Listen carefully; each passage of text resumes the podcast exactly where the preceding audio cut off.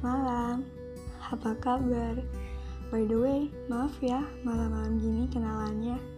Eh, tapi nggak apa-apa dong. Yang penting masih bisa kenalan kan? Karena tak kenal maka tak sayang. Ngomongin si sayang, kira-kira lagi ngapain ya dia sekarang? Ups, maaf, kok jadi cerita si sayang sih? Skip, skip, skip. Ngomong-ngomong soal cerita, gak semua orang bisa nyaman nyeritain masalahnya sama orang lain loh. Siapa sih yang gak pernah cerita atau bahkan malah sering ceritanya? Atau bahkan cerita ke diri sendiri? Pernah? Saking gak ada tempat untuk ceritanya, hehe.